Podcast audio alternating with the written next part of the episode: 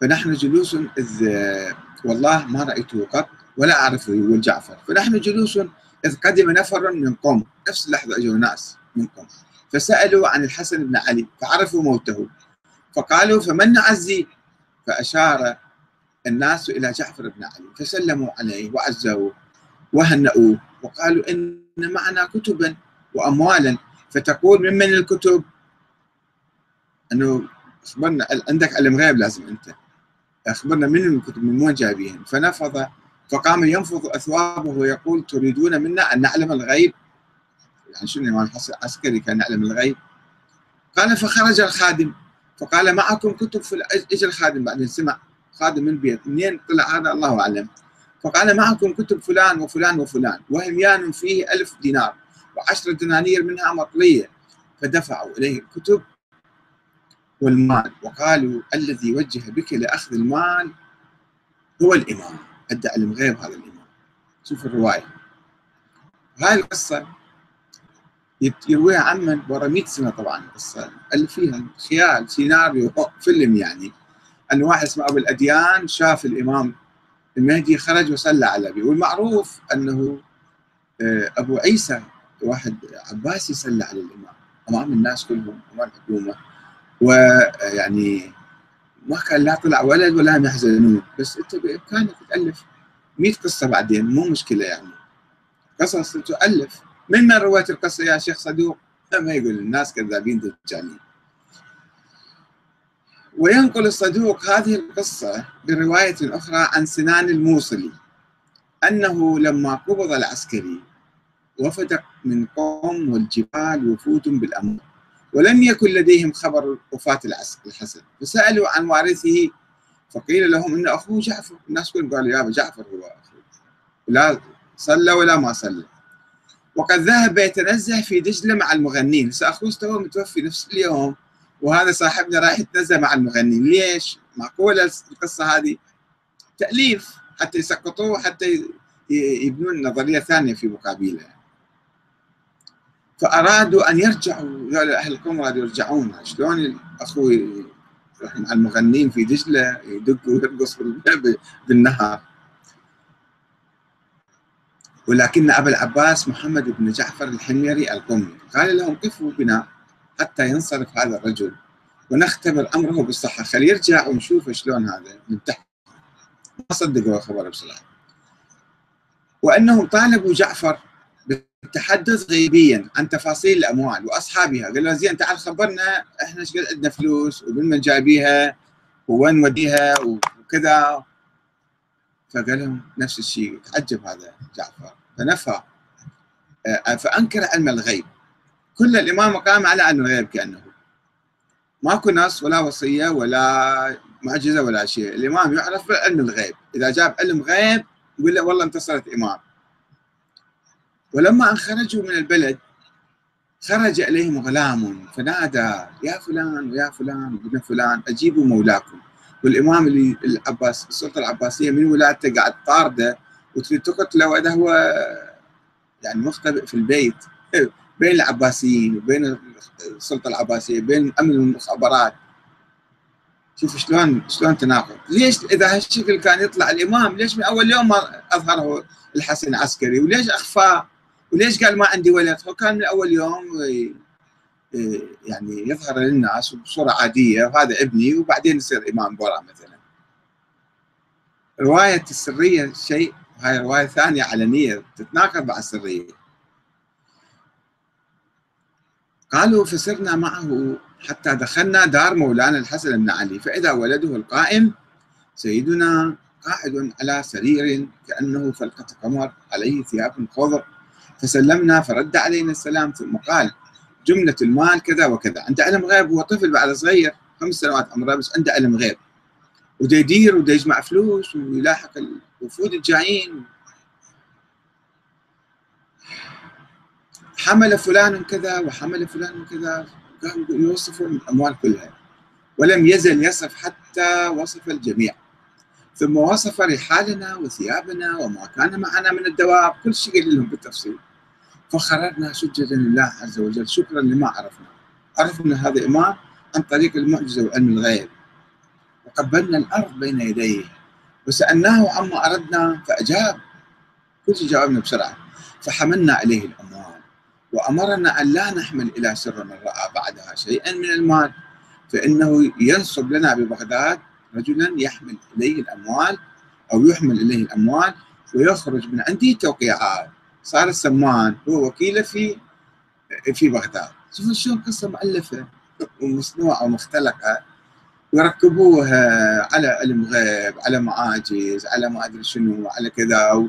وهو قاعد في البيت مطمئن ويجيبوا فود وتعالوا صيح لهم عنده خدم. يعني عن أي إنسان كان هذا الشيء متعارف؟ هكذا تصنع الإمامة والعقيدة والدين والإسلام. نعم. إذا فهذه الرواية هي رواية ينفرد بها الصدوق في إكمال الدين. عن رجل مختلق أو موهوم لم يذكر اسمه ولا اسم أبيه أبو الأديان منه من عرفه ولا عشيرته أبو الأديان البصري. وقال إنه أحد خدام الإمام. وحامل كتبه ورسول ورسوله إلى الأمصار وجامع أمواله. شخصية مهمة جدا هذا. ومع ذلك فلم يعرفه أحد. ولم يشر إلى وجوده أي مؤرخ آخر. بس الصدوق بعد مئة سنة. وبالرغم من المكانة العالية التي يعطيها إياها الصدوق لكي يسوق كلامه فإن الراوي هذا أبو الأديان يعترف في نفس الرواية بأن الإمام العسكري لم يخبره بهوية الإمام من بعده فكأن قال لابني وريح المسألة وريح الناس كلهم. ليش ما قال لابني؟ هو يقول أنا ما كنت أعرف. وجهله بوجود ابن للإمام. وتعجب إيه شلون هذا؟ اجى ولد الإمام ما كان يعرف يعني. هو سكرتير الإمام راح يجمع الأموال ورسوله للناس الآخرين ورسائل خاصة يودي ويجيب وما يعرف أكو ولد للإمام العسكري. نفس الرواية نفس الرواية شوية يتدبر فيها شوف التناقضات اللي فيها. ويقول أيضا بأن عامة الشيعة بما فيهم عقيد والسمان اللي هو عثمان بن سعيد اللي دعا النيابه اول واحد. والبصري نفسه عزوا جعفر بن علي وهنؤوه ولم يكونوا يعرفون من هو الإمام بعد العسكري وأرادوا أن يصلوا خلف جعفر ولا فجأة انقلبت الأمور.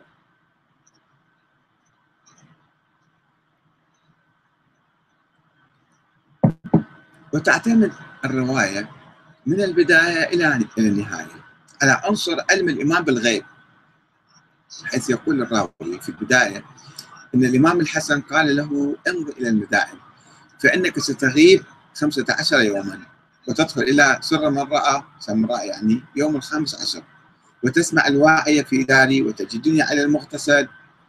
وكل ذلك من علم الغيب الذي لا يعلمه إلا الله حيث يقول القرآن الكريم وما تدري نفس بأي أرض ماذا تكسب غدا وما تدري نفس بأي أرض تموت.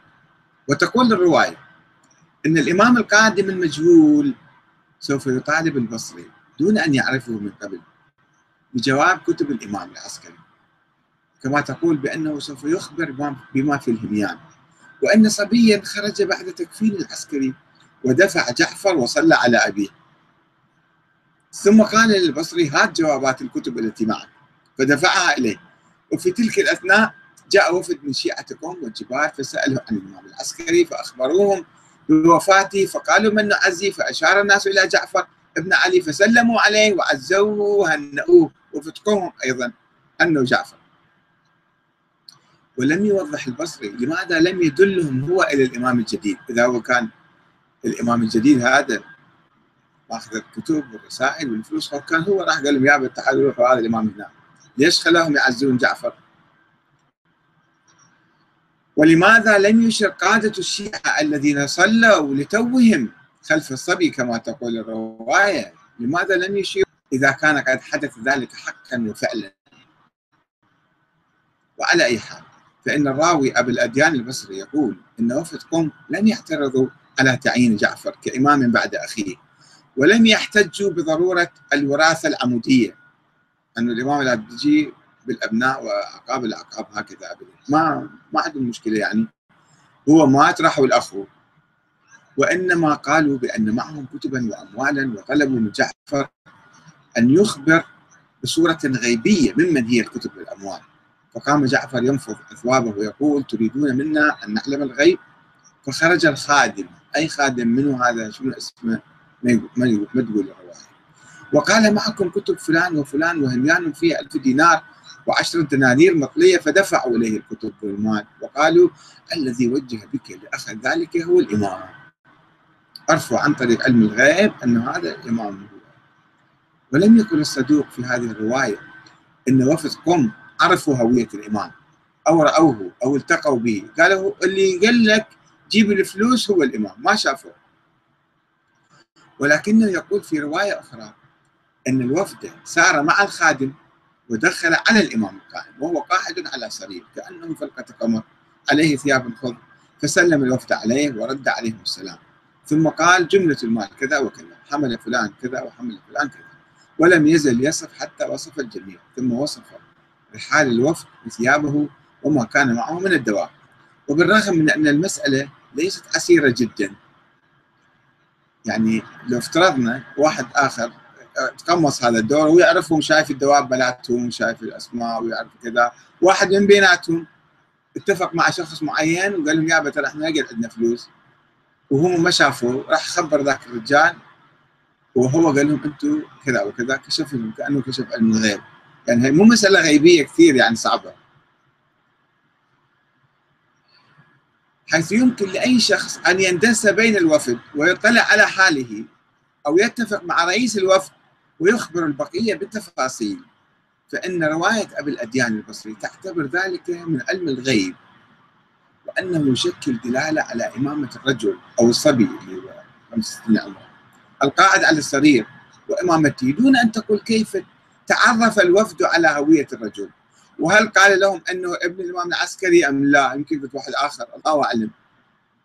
وكما هو واضح فإن هذه الرواية لا تذكر شيئا عن الخوف والإرهاب المحيط بالشيعة والإمام الجديد والعباسيين يريدون يبحثون عنه حتى يقتلوه. بل تقول إن الخليفة العباسي المعتمد وقف إلى جانب الوفد في خلافهم مع جعفر. أرسل لهم حرسا يحمل. وتنسى الرواية التي تقول إن السلطات العباسية كبست دار الإمام العسكري وفتشته بحثا عن وجود ولد الله. هنا الراوي في عالم آخر مسوي له رواية بعيدة عن كل الروايات الأخرى اللي يدعون فيها. وإذا كان الإمام فعلا خائفا ومتكتما ومستورا وأبوه كان يخاف عليه من يوم ولادته فلماذا يخرج للصلاة على أبيه؟ ولماذا يجلس في بيته في سامراء ويستقبل الوفود على مقربة من عيون السلطة هذا وأن المعروف والثابت تاريخيا أن أبا عيسى المتوكل هو الذي صلى على جثمان الإمام العسكري وشيعته آه، آه، على جثمان الإمام آه، العسكري وشيعه في عاصمة الخلافة أو عاصمة الخلافة شيعته التي أغلقت أبوابها عن بكرة أبيها وضجت بالبكاء والعويل كما يقول المؤرخون. ويبدو أن هذه الحكاية